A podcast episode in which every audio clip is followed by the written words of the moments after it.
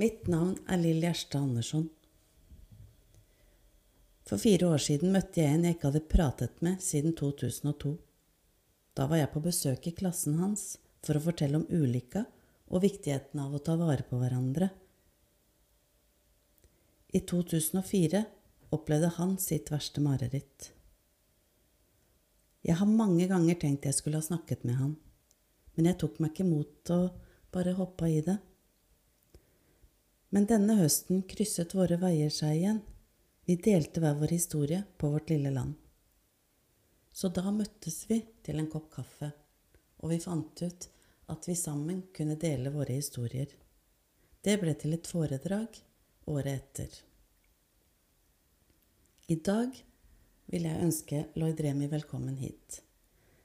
Han skal fortelle litt av sin historie og stå-på-vilje.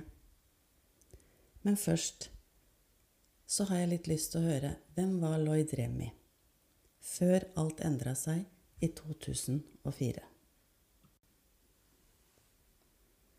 Jeg eh, var en, eh, en gutt som kanskje som alle andre på den alderen. Ungdom. Eh, livlig. Eh, tøyde grenser. Eh, tenkte kanskje ikke på konsekvenser. Eh, jeg var glad i fotball, glad i idrett. Eh, glad i å stå på skateboard, snowboard. Ja. Og så kom jo da den tiden etter hvert hvor ungdom og sånn begynner å utforske på alkohol og party og fest og de tinga der. Og og jeg var jo også en av dem som på en måte gjorde det. Og jeg husker ikke nøyaktig alderen det var, jeg, men uh, sikkert niende klasse, sikkert. Noe sånt, tenker jeg. Og ja. Holdt på med idrett i ukedagene. Blei litt mer festing og, og party og, og, sånne ting i helgene. Og, og det ja, Hva skal jeg si? Det balla seg litt på. Vi blei en solid gjeng sammen og som kanskje begynte å utforske litt andre ting i forhold til slagsmål, i forhold til Ja, som uh, andre ungdom. Begynner å tenke ikke på konsekvenser, er i nuet og sånne ting. Og begynte da på videregående etter hvert. Fikk en større omkrets. Uh, ja. Begynte på teknisk byggfag i Askim videregående. Uh, ja, det gikk jo Det gikk jo seg til, og gjorde det bra på skolen. Skulle bli eh, maler og byggtapetserer. Eh, kom i mai, søkte på i Sarpsborg på Borg, og, og i 2004 i mai så var det vel sånn at vi jeg og en kamerat av meg skulle kjøre bil. Eh, besøke noen andre kamerater av oss som var på en måte i Skiptvet igjen etter at eh, de hadde flytta opp til Ålesund og kom ned til moren sin. Og, og vi kjørte bil og bytta på å kjøre, og, og vi krasja. Hvor da han kameraten døde, og jeg som sjåfør da satt fastklemt og, og mista beinet, da ulykke. Eh, som ganske stor ulykke, faktisk. Eh, I den alderen. 16 år. Eh, kameraten din er borte. Eh, du sitter der eh, som sjåfør og er på en måte skyldig. Mista beinet. Våkna opp fra koma etter å ha ligget der i elleve døgn. Skulle på fotballkamp. Merka at beinet var borte, datt i gulvet. Satte meg på senga igjen, og så veit jeg ikke om Det var jo ingen folk på sykehuset heller, så da veit jeg ikke om jeg sovna eller om jeg fikk noe greier, eller hva som skjedde. Men uh, så våkna jeg litt seinere igjen, og da var det krisefolk som på en måte sto og snakka litt, og mamma sto der og fortalte om dette. og og jeg begynte å huske at ja, vi hadde planlagt at vi skulle kjøre bil, og, og da stopper liksom uh, hukommelsen. da. Uh, fra at jeg skulka siste time på, på, skolen, som var gymtime, som egentlig var det faget som jeg på en måte var best i, som jeg på en måte elska. Uh, og dro da hjem til han uh, med min moped, da, hvor vi da satte oss i bilen og kjørte. Uh, etter det så var vel eh, hjemme en uke i Skiptvet. Eh, Blei frakta rundt på rullestol av venner. Så på gutta, spilte fotball og håndball og ja. Eh, Selvfølgelig blei litt mer da party og litt andre ting. Og selvfølgelig mye sinne, mye frustrasjon. Man var lei seg. Eh, Det var noen venner som på en måte mente at eh, Som på en måte ikke snakka med meg i forhold til at, man, at jeg var skyldig, og jeg som på en måte var sjåfør. Så man bærte på en måte på en del eh, En del ting, da. Og var vel på Cato-senteret etter en uke hjemme.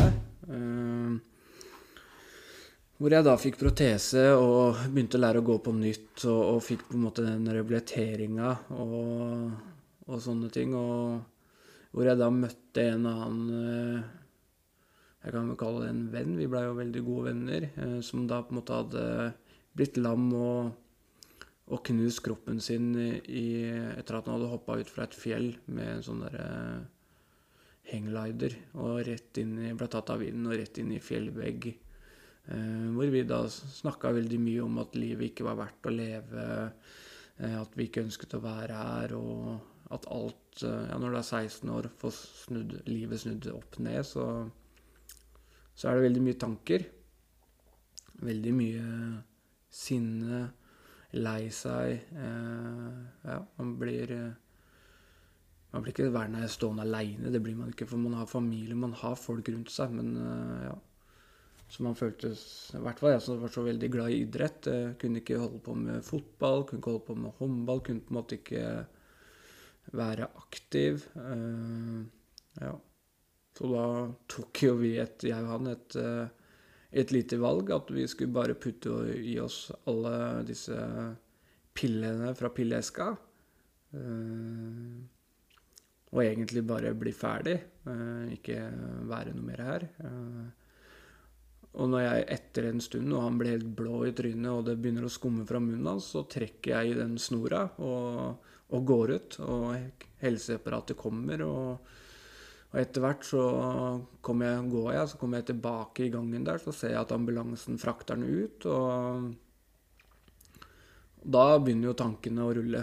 Eh, Jeg blei jo ikke så mye påvirka om det er forskjell på tabletter, eller om eh, jeg har tatt ting før som har gjort at man på en måte ikke man tåler eller noe sånt. Det veit jeg ikke. Men det skumma i hvert fall. Fra munnen hans var helt blå, og han blei frakta ut derfra. Eh, Så fikk jeg høre etterpå at eh, Jeg veit ennå i dag om han lever eller er død eller noe, men eh, jeg fikk i hvert fall høre at han ikke skulle noe mer tilbake på dette gatosenteret, i hvert fall. Så jeg fikk jo på en måte ikke snakka noe med han. Jeg fikk ikke vite om han var død eller noen ting. Og da går det opp et lys for deg, ikke sant. Hva, hva er det man driver med? Hva er det man eh, Ja. Og det som var liksom mest tungt for meg, var ikke at jeg mista beinet, egentlig. Det var egentlig kameraten. At man på en måte hadde forårsaken at han hadde mista livet. At kameratgjengen ble splitta. Eh, ja, jeg, gå, jeg kunne jo ikke gå tilbake til fotball og idretten. Eh, for at jeg, jeg, følte meg, jeg følte meg inkludert, gjorde jeg. Jeg ble jo bedt på kamper og sånne ting. Men, men jeg kunne på en måte ikke vise noe. Jeg kunne på en måte ikke være med der. Eh, jeg kunne det selvfølgelig, for de ville det. Men, eh, ja, men jeg hadde, måtte jo lære å gå, jeg måtte gjøre masse andre ting. Og da blei det automatisk at på en måte at jeg var veldig mye sammen med de andre. Og, og da var det jo party og alt dette andre. Og så var det alltid noen som var på en måte ikke ute etter meg, men som på en måte snakka negativt og sånne ting. Så det var veldig mye mye, mye ting uh, som på en måte var med og Hva skal jeg si? Som påvirka Ikke påvirka, men på en måte var med å ja, jeg måtte være oppmerksom på folk som kanskje hadde vært ute til før. Folk som skulle ta meg eller ville snakke med meg og bare kalle meg morder eller kalle meg ting som på en måte jeg ikke likte, og mine venner heller, ikke likte det. Så det blei en veldig tung, tung greie. Og jeg har aldri hatt fokus på at jeg hadde mista bein heller. Hadde jeg mista begge beina og han hadde levd, så hadde jeg på en måte takla det òg. Så så alt har på en måte Sørgetida, lei seg, sinnehet, alt det der er på en måte på grunn av at man har vært en, en ja, hva skal jeg si, delaktig, eller vært en aktiv brikke i det som skjedde. For det er jo sannheten. Eh, jeg har det. Eh, det er min skyld. Jeg kjørte. Så, sånn er det om man kjører bil når man er 16 år, ikke tenker på konsekvenser, man har ikke billappen, sånne ting, så, så må man stå for ansvar for det. Det gjør jeg. Og ja. Da var jeg også, etter det ene oppholdet der, da, etter det som skjedde, så var jeg hjemme og begynte å tenke litt og, og sånne ting. Og det var fortsatt veldig mye festing, veldig mye diskusjoner med folk og Man var fra Skiptvet, en liten bygd. Alltid noen som skulle mene noe. Alltid som skulle si noe, eller det var snakk bak ryggen din, eller det var et eller annet hele tida begynte da på andre oppholdet på gatesenteret, så hadde jeg hatt et eh, skjult intervju i Dagbladet hvor jeg ønsket ikke å være på en måte gå ut med navn, jeg ønsket ikke å vise hvem jeg var, så jeg sto med ryggen til. Eh, bare på en måte med bukse uten protese, hvor de så på en måte at det var amputasjon, eller amputert, da, hvor jeg sto med krykker. Eh, og da ringer jo en telefon da fra fra daværende landslagskaptein i Kjellkåker. Eh, som da ville på en måte, som kjente seg igjen i situasjonen, holdt, var aktiv med idrett før. Mista beina, han var 16 i en mopedulykke. Som på en måte kom og ville presentere seg, vise Kjellkåker, eh, Kjelke og de tinga der. Og ville på en måte ha meg inn på, aktivt, på et aktivt spor igjen. da. Og det gjorde mye for meg når jeg kom på en måte, fikk møte han eh, Det var vel bare samme uka, det, så var jeg rett inn på trening. Eh, blei invitert med som læregutt på landslaget helga etterpå i Furuset Forum. Hadde ikke så mye å stille opp med der, men da blei jeg kjent med gutta. Kom inn i garderoben. Du ser, du ser gutta uten bein, du ser gutta lam, medfødt skade. alle de tinga der. Og da ser du liksom at disse gutta her klarer seg uansett eh, idrett. De er på en måte likeverdige. De, de klarer alt. De trener, de gutser, de um, ofrer på en måte alt for å bli gode i sin idrett. Kjellkokker var veldig gode på den tiden. Var vel i finaler og, og var vel en bjærebjelke i verdenstoppen eh, da jeg kom inn. Eh, ja, da blei det vel sånn at uh, i starten så kjørte Gatosenteret meg til toget i, i Son, så jeg fikk kommet meg der under det oppholdet. Kom tilbake til Skiptvet.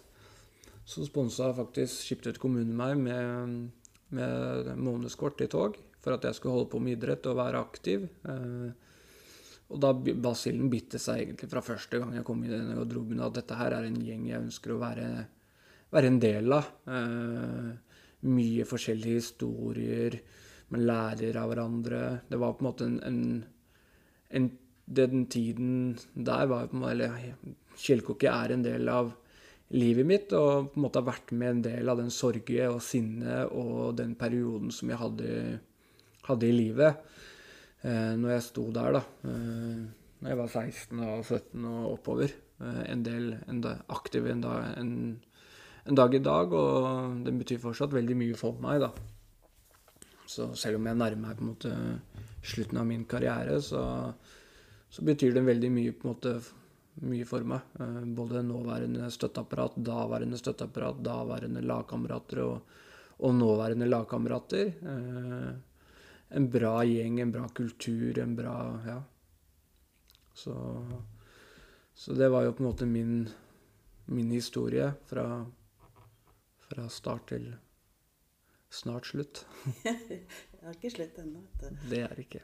Men når du snakker om ulykka, så klarer du å fortelle det um, Og du sier at du har følt mye sinne og sånn overfor deg sjøl, sikkert. Mm, mm. Og at det er urettferdig, eller ja, de tinga der. Mm. Men hvordan klarer man å kanskje tilgi seg sjøl og gå videre, da? Annet enn at du fant idretten. Hva må man Hvordan jobber man med seg sjøl? Man kan ikke tilgi. Man kan ikke Man kan ikke glemme. Man kan ikke Det går ikke i en sånn situasjon. Det går ikke an å, å tilgi seg sjøl. Det går ikke an å, å, si at ja, jeg gjorde det, det var det. Og som hvis man på en måte hadde Hvis det ikke hadde skjedd, da, et dødsfall, hvis jeg ikke hadde mista beinet, så hadde det sikkert vært lettere eller annerledes, eller 'herregud, hva er det vi har gjort', eller 'dette må vi slutte med', eller 'herregud, ja, et eller annet'. Hvis det ikke hadde vært så ille. Mm. Så kan det hende at det har vært litt annerledes, men, eh, men i dette tilfellet så mm, går det ikke. Man må lære seg å leve med det. Man må Jeg tenker på det hver dag. Jeg tenker på det hver uke. eh, Jeg tenker på det hele tida. eh, Men man på en måte prøve å Det som jeg har gjort, jeg prøvde på en måte å dra det til at eh, alt det jeg gjør, det er på en måte han og familien, og at på en måte at de er med hele tida, og at det på en måte er en del av motivasjon, en del av sørgegreiene, en del av hele den biten. Å komme seg videre. Det går ikke an å glemme, det går ikke an å bare tilgi og bare dytte det unna. Det går ikke. Så du klarer ikke å tenke at, eh, at dere var unge og umodne og midt i en sånn bli voksen-greie, og tenke at eh, du gjorde det jo ikke med vilje. Med vilje gjorde jeg ikke, men øh, det er helt klart. Eh, nei, du, du Hva skal jeg si? Det er ikke Jeg har gått til psykologer, jeg har gått hos mye folk, altså. Men, men man må bare lære seg å leve med det på en Man må Alle trenger en forskjellig periode å komme seg gjennom livet på. Om det er sørg, sinne Man trenger dette. og hvis jeg snakker med en annen på gata som bare sier at 'herregud, jeg bomma på den målsjansen i ishockey eller fotball', eller eh, Eller formodning min sønn har en pasning som han gjorde i går, som endte opp med at de tapte mot Askim 6-5 eller 7-6 eller hva det var for noe, og han gråter og holder på. Så sier jeg bare at ja, du må lære av det. Du må bruke din periode på å komme deg, ja, glemme det, komme deg videre. Eller? Det går ikke an å sammenligne, da, men du må på en måte lære å leve med det. Og så får du heller tenke neste, neste gang. Noe sånt. Men, men i dette tilfellet, med dødsfall, eh, med alt dette, så er det umulig, i hvert fall for meg, å bare glemme eller dytte det unna. For det er en del av livet mitt, det er en del av historien min, det er en del av meg, og da må jeg på en måte leve med det og, og bruke det på en måte som det er. Og derfor har jeg også vært veldig mye Jeg har vært egentlig ganske lite i media sånn sett, egentlig. Jeg var med på Vårt lille land. eh, det, jo, det er jo terapi for meg å snakke om dette. Eh, Jeg har vært på store festivaler hvor jeg har holdt foredrag for ungdom. Krik Krikk er en jeg har vært på, i Gjøvik. Eh, Sunnaas har jeg vært og snakka om eh, ungdom med ungdom eh, som ikke er skada, som har blitt skada og sånne ting. Eh, For det er terapi. Det er det som hjelper, og jeg vil jo da bruke min historie, mine ting, på en måte til å hjelpe andre. Eh, gått rundt på skole og foredrag og tenkt at ok, det er vanskelig for ungdom å tenke på konsekvenser. Eh, bare du lever i nyet, du bare kjører på. Og, eh, og da ja, da må du stå i det òg. Men du har jo på en måte eh, pusha deg sjøl veldig etterpå, da. Du har jo ikke bare vært på la- kjelkelandslaget, du har jo vært kaptein, og du, du står på veldig, på en måte. Eh, hvordan klarer man det da, hvis man har en, en sånn tung bør da, hengende over seg? Nei, man må, som jeg sa tidligere her, man må, som jeg har gjort eh, Min greie er at jeg har jo tenkt på han og familien på en måte som at han fortsatt At det jeg gjør nå, det er sammen med han. Eh, selv om det har vært en del ting opp igjennom og så videre og så videre, så, så er det på en måte det som har vært den faktoren og den uh, tinga som på en måte er med. Eh, og ikke minst snakke med mine egne barn om konsekvenser og ting og tang. Og ungdom, terapi, eh, selvfølgelig. Så nei, jeg har bare klart å leve med det. Jeg, som jeg sa i stad, jeg tenker på dette hver dag. Jeg tenker på han, familien, eh, bygda, alt mulig. Eh, og hver gang jeg på en måte er i media og snakker om det, så blir det blussa om. For det var det var eh, sørg, sorg i, på en måte i bygda, lille bygda vår i Skiptvet. Og ja, og folk eh, husker enda, folk veit enda, så det er på en måte Ja, det er ikke noen hemmeligheter. Det er ikke noe Det var ikke noe sånn at man var, påvirka. Det var på en måte ikke noe sånn eh, Selv om folk har sagt det. Det er ikke noe at eh, formodning at hjulet spratt eller det er ikke noe. Det var helt vanlig. Og to ungdom som på en måte var ute, ikke påvirka rus, ikke påvirka alkohol, ingenting. Eh, bare ungdom som på en måte ønsket å å teste. Ønsket å på en måte kjøre bil, på en måte, ja. Og, og leve liksom og ikke tenke på konsekvenser. Og det er jo ungdom flest. Og, og jeg har på en måte bare fortsatt, som jeg sier, tenker på det. Lei meg, sint, sorg. Eh, noen folk som nevner det, så kan jeg bli sur. Jeg kan få en reaksjon kanskje som Etter så mange år, så får jeg fortsatt det. Eh, jeg spiller fortsatt eh, på Skjellkokkelandslaget, og det er mye trash talk, og det er mye sånn eh, Mye, hva skal jeg si, rett og slett drittprat. Og så til slutt så bare sier du det svart. Og jeg er en dårlig taper. Ligger vi under, så kan, det, kan jeg ødelegge. Jeg kan det.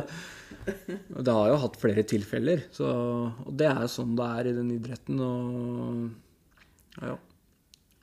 Men som sagt, jeg har vært hos mye psykologer. Idrettspsykolog har jeg enda, ikke sant. Så det er eh, Og da jeg kom inn på skilkokkelandslaget, så blei jeg satt på idrettspsykolog altså etter eh, første måneden. Og jeg hadde mye sinne. Og det hadde jeg jo i idretten eh, når jeg spilte også. Jeg blei mye forbanna. Jeg var mye sur, og i hvert fall når vi lå under eller skulle tape eller ekstra. Både gymtimer eh, Ja. Og når Ja. Så Men var det på en måte den samtalen fra han som kom fra kjelkehockeylandslaget, eller miljøet der, var det den som på en måte redda deg, tror du? Ja. Det er jo Jeg var jo rett før der, så var jeg jo på en måte med Det er ikke så Det var jo ikke så mange uker eh, Jeg var på et opphold, da. Hvis du Cato-senteret første oppholdet er på åtte uker. Hjemme én uke, så skal du tilbake på åtte nye. Og de ukene et, mellom sykehuset og første Cato-senteret, det var jo mye sorg og mye ting. Eh, kom opp på beina. Jeg var hjemme selvfølgelig noen helger og sånn, selvfølgelig, eh, i første opphold der. Den åtte ukene der var ille. Mye greier, og folk skulle snakke og, og slenge med leppa, og folk var ute etter meg, og det var Ja. Så det var mye greier. Jeg hadde jo Og så var jeg hjemme en Jeg husker Jeg tror det var en uke jeg var hjemme før jeg gikk på åtte nye uker. Og den perioden, de ni ukene der, eller ti, den var verst. Da var jeg skikkelig ute. Og det oppholdet, første oppholdet på gatesenteret der, med på en måte man prøvde å ta livet sitt og sånn, da, da er man langt nede, altså. Da er man jo såpass sånn at uh, Hadde det vært formodning at det var meg da, som han hadde trekket i snora og sånn, så ja. Nå veit jo ikke jeg om han lever eller er død eller hva han har, men han hadde Ja. Så kunne vært annerledes. Uh, ja faktisk. Så det kunne det, altså. Hvis man tenker på konsekvenser, man tenker på de tinga der, så kunne det ha vært eh, kunne vært uh, veldig annerledes.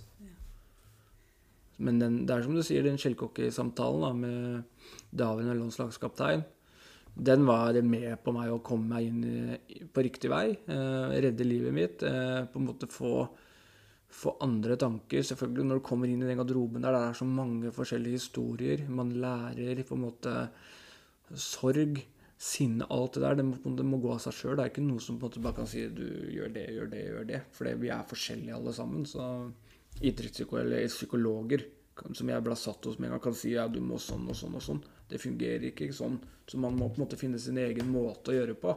Og da må du også komme på en riktig vei. Og da var jo Kjellkokke selvfølgelig stort der, stor der, da. Uh, uten dem så ja, da tør jeg ikke å tenke på hvor jeg hadde vært. Jeg tror ikke jeg hadde ja, orka heller. Ehm, ja, så kom inn der. Satsa da selvfølgelig på å bli tatt ut til uh, Paralympics 2006 med en gang. Ehm, så da det neste da, skoleåret, i august, så bare skiftet, delak skiftet kommune delaktig og på en måte få meg inn på Rønningen folkehøgskole. Så jeg kunne bo i Oslo studere, eh, ikke studere, gå på folkehøyskole selvfølgelig, og satse på idrett. Tilpasse den skole, folkehøyskolen på en måte til å levere og trene og, og bli tatt ut. Så blei jeg tatt ut i 2006, og det var jo første offisielle mesterskapet jeg skulle Jeg hadde vel debutert vel, første landskamp var jo mot Japan i, på Jordal. Jeg husker ikke hvor lenge siden det eller hvor hvor, kort tid siden det var før jeg ble tatt ut til det OL-et, men ja. Jeg var ikke aktiv så lenge før jeg ble tatt ut til eh, Paralympics. Halvt år kanskje aktiv. Hvis du tar bort noen uker hvor jeg bare var med, liksom. Og da var du 18? Eller? Jeg blei vel 18, tror jeg. Ja. Jeg blei vel 18. Så det gikk egentlig fort gradvis inn, altså. Så, og da har jeg vært der siden. Og etter det så bodde jeg og flytta jeg til Oslo og var der. Eh, Skårte mitt første mål i, i Torino-OL også, 2006. Paralympics. Hadde vel en midtside i Dagbladet òg, for eh, ikke scoring av mål, men for grunn av i semifinalen mot USA også, i forhold til slåssing og knuffing og sånn òg. Så der Ja, så man fikk litt av hvert der. Både positivt og Ja. Men allikevel så har du blitt ka kaptein, da, selv om det er litt slåssing og sånn. Er det på en måte lov i den sporten? Det er ikke lov, men, men uh, i det tilfellet der, da, så var Så vant vi mot USA i semifinalen. Og på slutten så var det mye knuffing. Og når du taper, og du mister plassen på en måte til å kunne komme til en finale, eller som på en måte er målet, så blir det mye piss og mye tull. Og da var en annen, det var en annen spiller de var ute etter, og han var faktisk Det var faktisk han han, han kapteinen, han spilleren som uh, møtte meg på gatasenteret. Uh, da måtte jeg på en måte ikke få han til å bli suspendert, da måtte jeg bare inn. Altså, Da- du, du redda han. Jeg redda han ikke, han hadde klart seg fint, han også. Så det måtte bare få fokuset over på meg, så dommeren ikke Dommeren hadde gått bort der, så det var egentlig et, et sjakktrekk. I forhold til at hvis det er noen som fikk suspensjon, så var det meg. For at laget Han var mer betydelig for, for laget den gang. Så ja. Men å være en del av et sånn landslag hvor alle har noe ekstra i bagasjen, Mm. om det er medfødt eller eh, som deg blitt skada underveis, så blir man på en måte litt rausere med lagkamerater og sånn? At man skjønner at Eller blir man bare Nå lo du, eller nå smilte du veldig. I skjellkokke så er du uten bein, er du lam, har du to bein, er du Til og med her så er du jo ikke på landslaget, men på klubbnivå, så har du funksjonsfiske lov til å spille. Og da sitter man Men der er jo alle forutsetninger Alt er jo likt. Ja. Ok.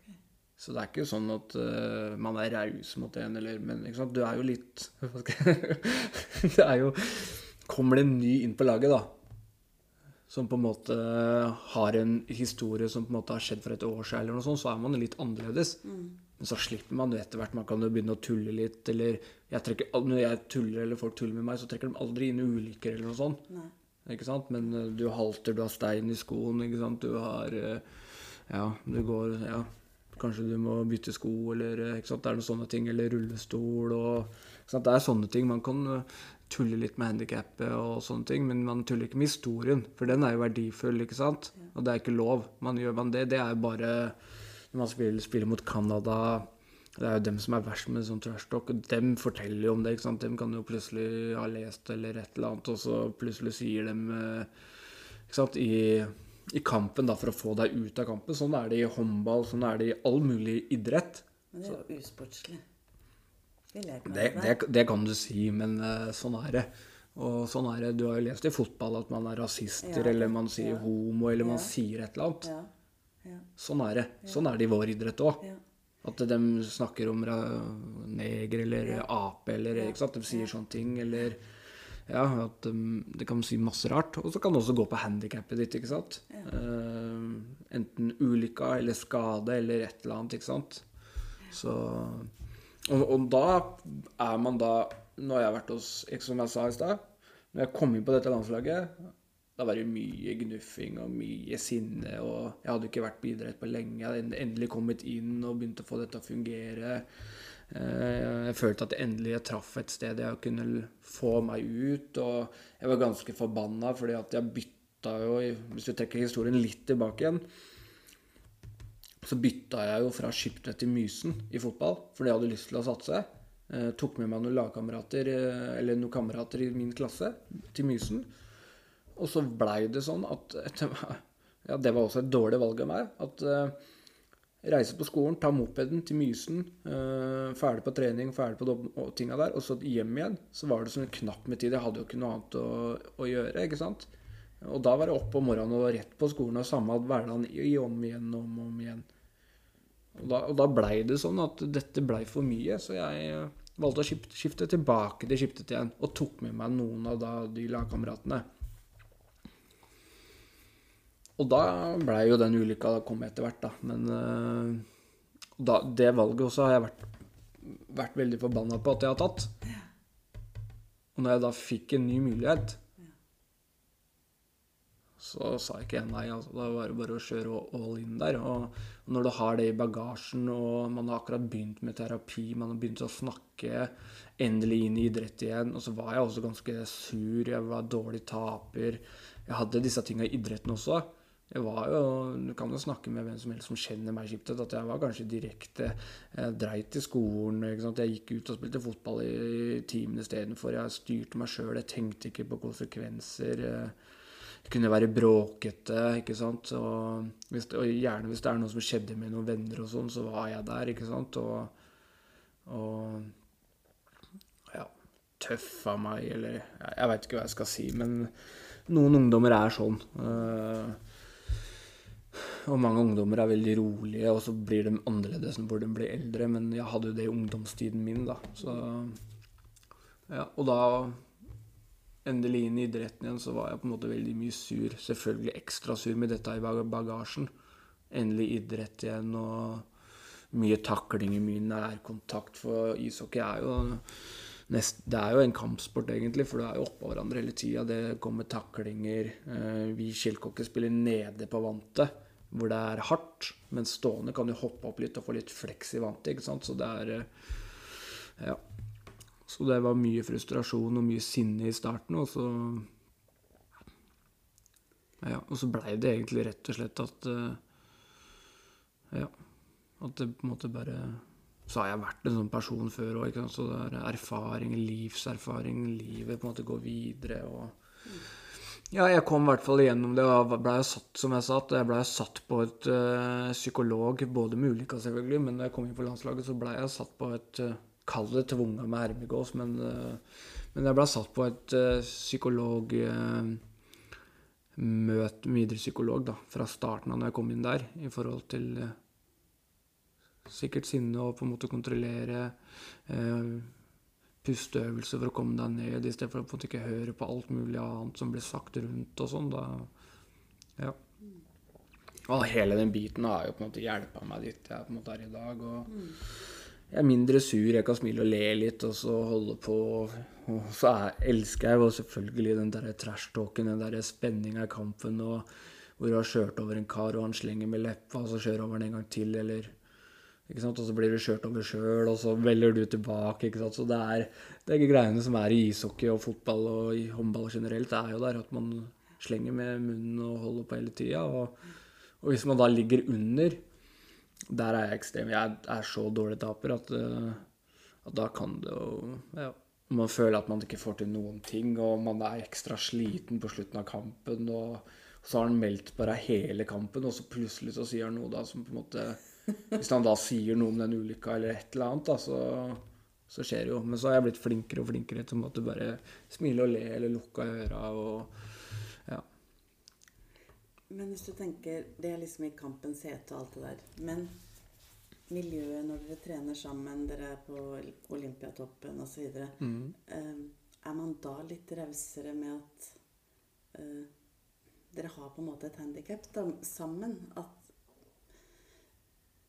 Godtar du da litt mer fra mennesker, på en måte? Ja, ja, vi godtar. Vi er åpne med alle sammen. altså. Vi er ute på samlinger, og små barn kommer bort og spør, eller, eller andre voksne spør, eller noe sånt, så er vi rause. Vi er åpne. Vi er åpne med alt. Og når, mens, når vi er på Olympiatoppen, da Vi blir ikke sett på som funksjonshemma eller ikke sant. Um, vi trener like mye, vi trener like bra. ikke sant? Vi holder på alle disse tinga her. og Uh, nå har jo Vi-stiftelsen kommet inn nå i forhold til at det vi har slitt med, er jo på en måte å lage frontfigurer i, i funksjons- eller i paraidretten. Mm. Eh, kommet oss opp i media. Eh, hvert fjerde år er det jo dritbra med OL, eller med OL, Paralympics og alle de tingene der. Og så er det jo gjerne litt sånn kluss imellom. Nå har vi begynt å komme, ikke sant. Medie, medie, medie hele tida. Få fram idretten. fordi at den er unik. Gutta er ofre mye. Eh, har handikap, men det er folk, Olympiatoppen ser ikke på det som det. De ser jo bare på dette. Her er jo ordentlig seriøse idrettsutøver som vi på en måte ønsker å, å hjelpe videre. Eh, så har vi fått flere og flere frontfigurer nå etter hvert, da. Og Birgit er vel den største som på en måte har uh, vært der i forhold til media og sånne ting. Ja, Cato Zahl var vel kanskje den forrige, kanskje, hvis du kan dra noen sammenligninger, selv om det ikke går an eh, i forhold til handikap og hva de driver med. Men eh, ja. Hun har jo satt, kommet veldig foran. da. Så har vi mange andre gode og store utøvere som på en måte tar medaljer i bøtter og spann. Og vi har mange unge opp av stormene som kommer. og sånn, Så er det på en måte bare å få idretten på en måte belyst uh, mye mer. Eh, og i hockeyen så er det samme med Olympiatoppen som Hockeyforbundet. Hockeyforbundet ser på oss som uh, handikappa og at vi bare er med bare for å være der. At de på en måte er sånn. Der er det vi likestilt. ikke sant? Vi er jo med i forbund og uh, Prosjektlederen er på alle møter, og forbundet spør oss ja, trenger det det, gjør det. og her er det istrening, hjelper til ikke sant? og er med på mesterskap. og Selvfølgelig så kan folk bli bedre også, men vi er i en i en bra kurve på en måte til å komme opp. Og vi har like forutsetninger på Olympiatoppen som uh, de andre utøverne. Ja. Men eneste forskjellen da på oss og dem er jo at vi, hvis du ser på lagidretter, så har ikke vi en, en jevnlig serie hvor vi spiller kamper uke etter uke etter uke. Sånn som vanlig ishockey. Og så drar de på landslaget kanskje eh, når det er landslagspauser og spiller kamper og, og sånn. Eh, vår eh, kampaktivitet og det med størst nivå, det er jo på en måte på landslaget. Mm. Selvfølgelig så har vi noen klubblag som møtes og spilles og sånn, men der er det såpass ujevnt også. Mm. Uh, så vi er på en måte på riktig vei opp. Og, men ja, men det paraidretten sliter mest med, det er jo på en måte rekruttering, da. Å få på en måte nyskala, få på en måte funksjonshemmede i aktivitet. Og det er ikke snakk om landslag, det er på en måte snakk om i klubbhverdag. dag mm. langrenn, curling, tennis. ikke sant? Det er jo så mye. Og klubbene er jo åpen i forhold til å starte å ha et tilbud for para i alle mulige idretter. Um, så der er vi nå, da. På en måte få inn Bruke kommuner, ergoterapeuter. Uh, vi stiftelser, idrettsforbund, uh, fylke, uh, kretser ikke minst, til på en måte til å komme inn og, og stille opp med sine utøvere. Eller få folk da til å begynne å komme. Men du sier Du nevner noen sånne frontfigurer også. Men det å være åpen og vise fram ansiktet sitt, da, så mm. er man også mer mottakelig for noe dritt. Liksom, Man får noen kommentarer. Det er helt sant. Og det, og det er jo Det kan du se på de største idrettsutøverne i Norge. De får det samme. Ja. Og så er det jo ja. som det er nye nå, ikke nye, da, men det man har veldig fokus på media nå, det er jo sånne nettroll. Ja. Ikke sant? Mm. Kall det hva du vil, nettroll, eller kall det hvis ja. det er noen andre navn. Ja. Eh, da får du mye i innboks. Du får kommentarer, ja. du får telefonsamtaler, du får alt mulig. Uh, og det har jeg fått. Nå har jeg jo nesten fra starten. Altså når jeg begynte, så fikk jeg jo mye. Men da har jeg på en måte I starten så hadde jeg skjult nummer. Så nå kan du ikke finne nummeret mitt. Eh, men jeg får mye på Facebook, på Instagram og Twitter og masse greier. Både positivt og negativt hvis jeg er ute i media med noe. Sånn er det alt. Så det må man bare leve med. Og, og når jeg var, var, ute med vårt lille land, hvis vi trekker oss tilbake der, så var det veldig mye. Eh, både positivt og negativt. Fordi at eh, vi er fra en liten bygd. Du er fra samme bygd som meg. Eh, det var en ulykke som på en måte eh, Som ga sine, eller satt sine spor hos alle. Eh, så man fikk jo høre mye rart. Og som jeg sa, jeg hadde en vennekrets som ble delt. Noen ville på en måte være ute etter meg. Og jeg levde jo ikke med frykt. Det har jeg aldri gjort. Eh, men jeg har alltid vært på en måte Hatt øynene mine og ører overalt på en måte og, og sett. For du veit jo aldri hva folk kan finne på å gjøre eh, når det sto på seg som verst. Men i forhold til nettroll Man må bare lære å leve med det. Og er man åpen, og så har jeg vært veldig veldig smart i forhold til hva jeg har sagt ja til og nei til og sånn. da. Og Vårt lille land, det var egentlig Det var på tide at jeg fikk fortelle min historie. Eh, og at jeg fikk kommet ut med det. Eh, i forhold til både, Det var egentlig mest for meg sjøl, da. For det er jo ingen andre som har hørt eh, min mening eller min historie om det. og jeg kunne selvfølgelig, for, for, å si det sånn, da Når jeg var der og spilte og holdt på og lagde dette her, så sa de at dette her kunne være en hel serie. Mm. Dette kunne jo bare, Vi kunne jo delt opp, og så kunne det bare ha gått og gått og gått. og gått. Mm. For så mye er det, og så måtte vi lage litt, og da blir jo noe glemt og noe trykka på. ikke sant? Men det var kun for meg sjøl, ingen noen andre. Og opprinnelig planen var jo egentlig at det var Skjellkokker. Det var to utøvere som på en måte skulle ha to forskjellige historier. Men det blei jo ikke noe av. For at de, de, ville ha min. Eh, det var ikke noe penger i det, selv om folk har sagt å herregud, fikk du så mye for det, du må gi det til noen eller noe. Det var ikke noen ting. Det var helt fritt. Jeg hadde ikke noe krav, jeg hadde ingenting. Eneste var på en måte at jeg fikk lov til å fortelle min historie eh, som terapi, som på en måte belyser For jeg er så opptatt av at, eh, at dette her kommer fram. Så må det på en måte få ungdommer, eh, foreldre osv. være litt, kanskje litt eh, på å følge med, men også på en måte at de tenker litt over konsekvenser. For etter min ulykke så skjedde det fortsatt ulykker rundt der. Det skjedde fortsatt ulykker i Indre Østfold. Folk døde, folk eh, nesten omkom. Det, jo, det var så mye greier. Og da må man begynne å Ok, hva skjedde? Man må begynne å tenke litt. Uh, og ja, også, ja, som jeg sier, jeg har vært litt smart med, med hva jeg har gjort. Um, det første jeg gjorde, var jo egentlig å være med på Være med på Trygg Trafikk, den der boka i forhold til å ta førerkort og sånn. Det var jo det første jeg gjorde. Og så har jeg hatt den i forhold til idrett. Der har jeg på en måte bare vært åpen og sagt at den historien min det skal ikke komme ut sånn og sånn og sånn. Da må vi være smarte og bla, bla, bla. Og, og takka nei til veldig mye. Så i forhold til idrett, eller i forhold til min historie og meg, så har jeg vært veldig smart i forhold til hva jeg har valgt og gjort. Um, mens idrett så har jeg på en måte bare holdt på, vært i front og vært i i media holdt på i forhold til idretten og stått og snakka på TV-en og sånn. Men aldri på en måte med idretten, da, der, eller med historien min, mener jeg. Da må jeg være smart. Mm. Og det er jo av meg, av andre, og, og, at man på en måte Det skal ikke være for mye, altså. For da blir det Ja. Og det handler jo veldig om at den du deler det med, hvordan den bruker det for om det er klikksak, eller om det er eh, å sette på spissen. For jeg mm. også opplevde i hvert fall at Vårt lille land, der fikk vi fortelle vår historie. eh, uten at de skulle lage noen sensasjon ut av det. Blir du intervjua av Se og Hør, f.eks., så vil de lage en eller annen eh, overskrift som kanskje ikke helt er den du ønska. Ja, nei, jeg har eh, Det var i starten. Jeg har vært der, og jeg. Så Ja.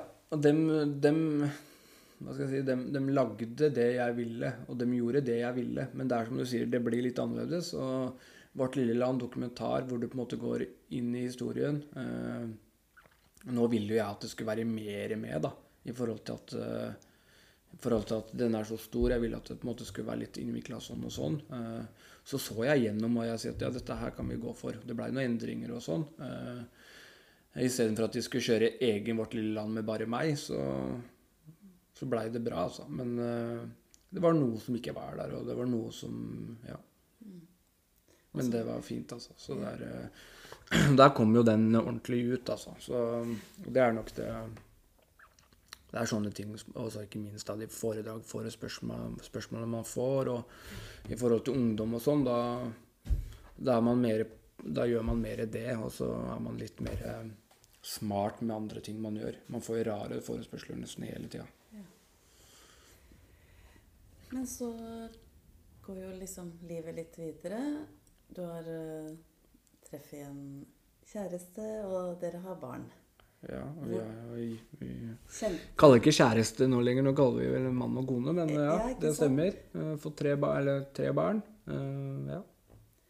Og hvordan, liksom, hvordan, var selvtilliten din da på en måte med at noe er annerledes, da? Tenkte du noe på det? Nei, jeg tror ikke jeg gjorde det, altså. Men jeg kom hjem fra Nei, det går bra. Det er jo et uh, spørsmål som kommer om og om, igjen, det, altså. Så, men husker du jeg kom hjem fra Paralympics 2006. Det hadde egentlig vært veldig mye i media. Hadde vært egentlig skrytt opp og ditt og datt og det største talentet. Det var ikke måte på. Alltid kommet opp der og mål, og så var det midtsida med den der slåssgreia, og det var jo så mye. Og da vi gikk ut på byen der, så da, da blei man litt sånn frontgreie med å være mye i avisa og sånn. Da var jo jenter og alt var jo mye veldig, veldig frampå. Så aldri vært eh, Jeg hadde tenkt at jeg hadde amputert eller noe sånt. Eh, det får jeg nesten spørre henne om, men eh, ja. Vi møttes i hvert fall der og, og hadde noen felles venner og, og sånn. Og ja.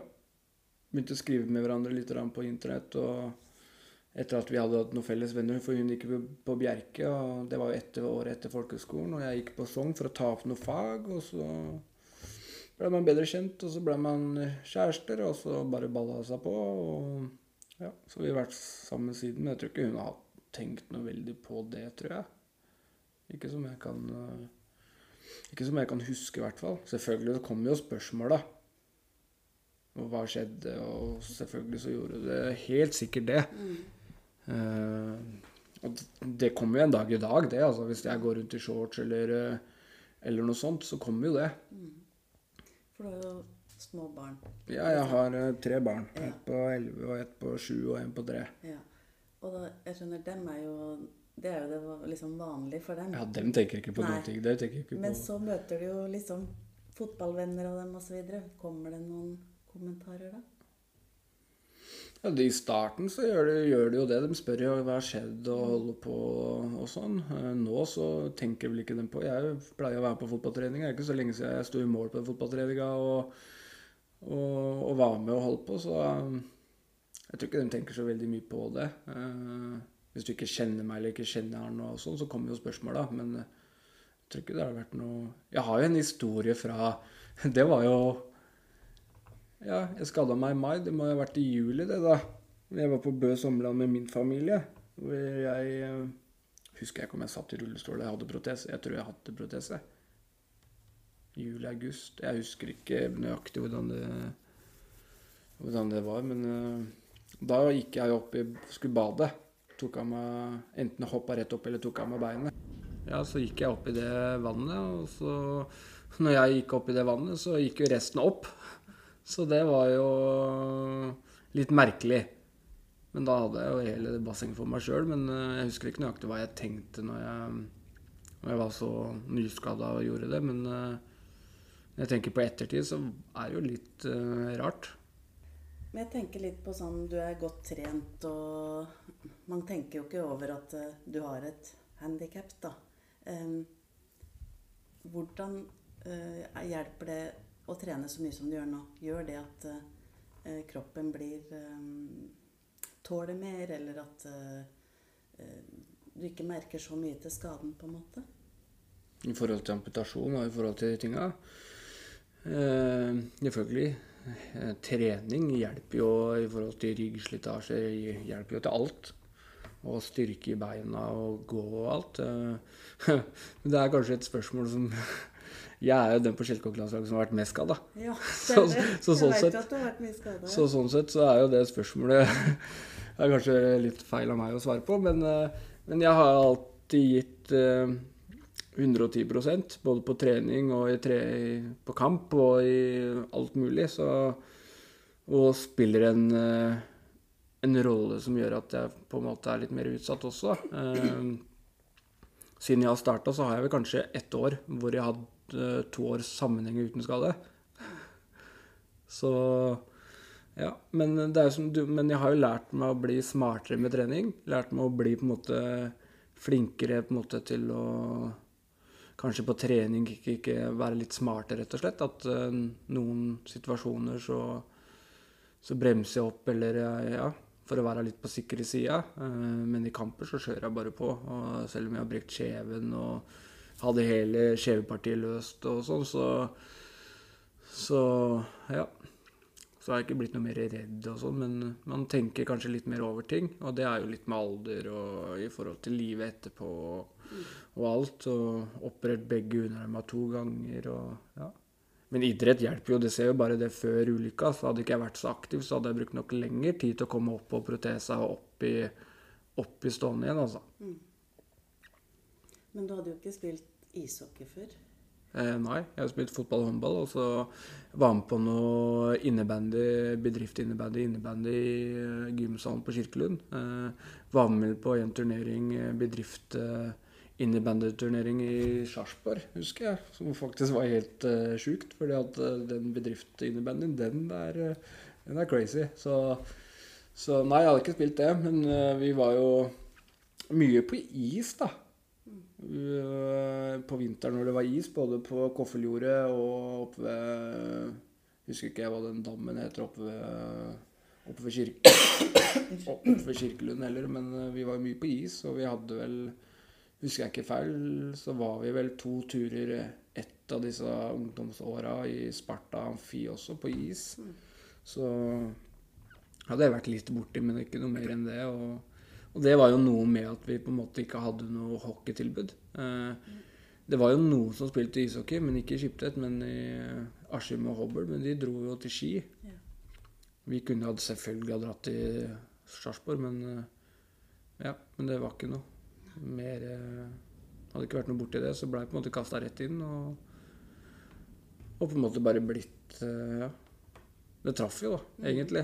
Veldig godt. og og det er jo som jeg har tenkt eh, selvfølgelig, at ungdom som på en måte All idrett og fotball og håndball og sånn, det passer jo ikke for alle.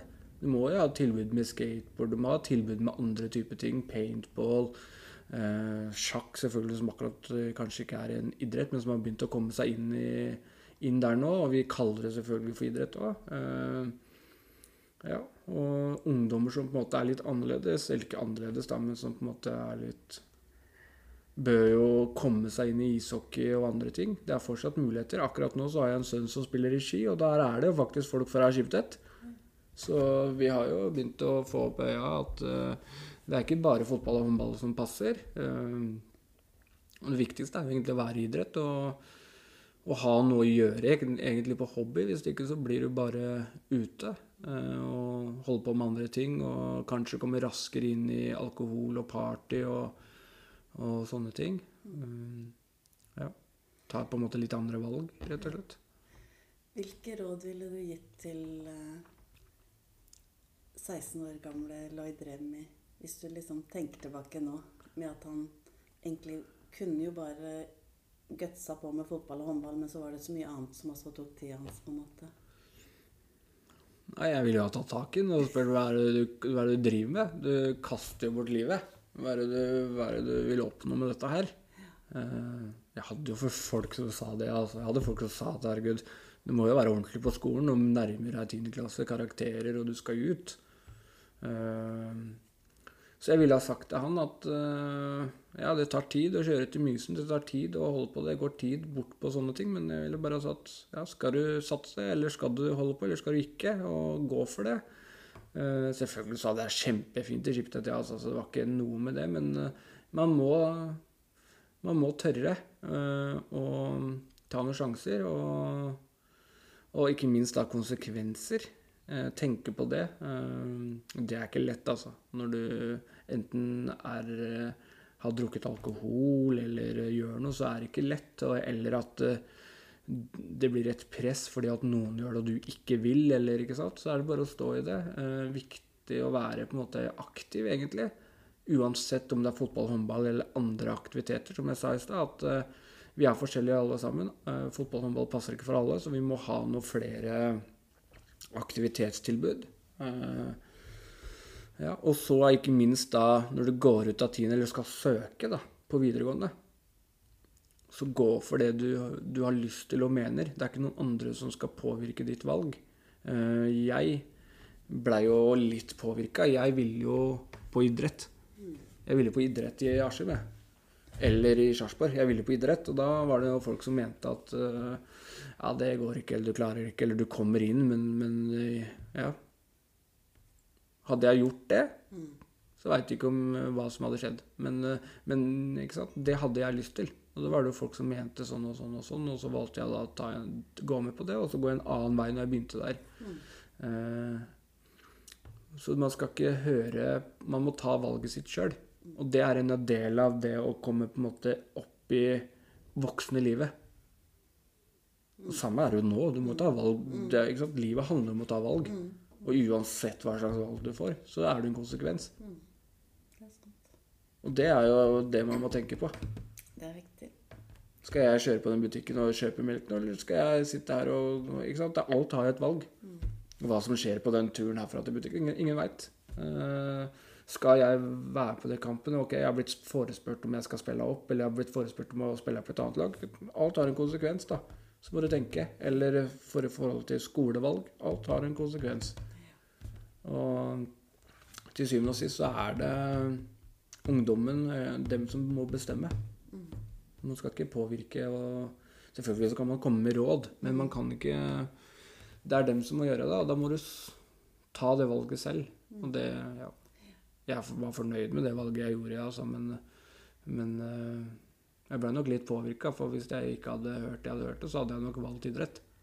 Og hvor hadde jeg vært nå, da? Det veit ingen. Og det sitter jeg med to bein og, og løpt rundt og alt det der, så ja. Jeg tenker ofte på det at når jeg ser folk som ikke har to friske bein og ikke går ut og trener eller løper eller holder aktivitet Herregud, hadde jeg hatt to bein nå, så hadde jeg jo løpt maraton jeg nå Ja, og det så er det. kommet hjem. Ja, det er det. Så ja. Jeg tok jo Sist når vi holdt eh, foredrag, så klaga jeg på at jeg var så stiv og rar i kneet mitt. Og nå har jeg jo måttet bytte til protese ja. inni kne. Men jeg skjønner jo at eh, jeg skal ikke klage så mye på det når jeg ser hva andre får til med men, større forandringer. Så, Nei da, men vi så løpe det er jeg dårlig på, men jeg kan i hvert fall gå langt. ja, Gå langt, da. Ikke sant? Være litt aktiv. Det Ja. handler om å, å Mentalt hode, eh, være litt aktiv, det hjelper. Mosjon, mosjon, mosjon det hjelper. Mm. Ja. Eh, aktiv. Eh, alt det der hjelper med tanker, hode. Eh, du blir bedre form. Rygg, plager. Ikke sant? Det er jo I forhold til konsekvenser òg, så ja. Kloke ord som du kan avslutte med. ja. Så vil jeg bare takke for at du kom. Så har jeg en sånn bok til deg. Det kan hende du har eh, sett den frem. Da kan du gi den til noen som Jeg har, jeg har en bok, jeg. Ja, da kan du gi den til noen andre. Og så får du en sånn der energibar, for du er jo så Ja. Så, eh, Den er god, den her. ja, det er bra. Så du trener jo så mye, så da trenger du å fylle på litt innimellom. Ja, så nå må jeg litt ned, så det kan hende at jeg må gi bort det der òg. Men det Oi, er det såpass, ja? Det er så strengt. Ja, litt. Ikke, ja, ikke så veldig mye litt. Så man må, det er ikke så veldig mye kamper ute og går, så man må, må Så er jeg i slutten av karrieren, så da må jeg på en måte prøve å finne en annen vei. Men uh, lykke til videre med alle prosjekter. Jo, tusen takk.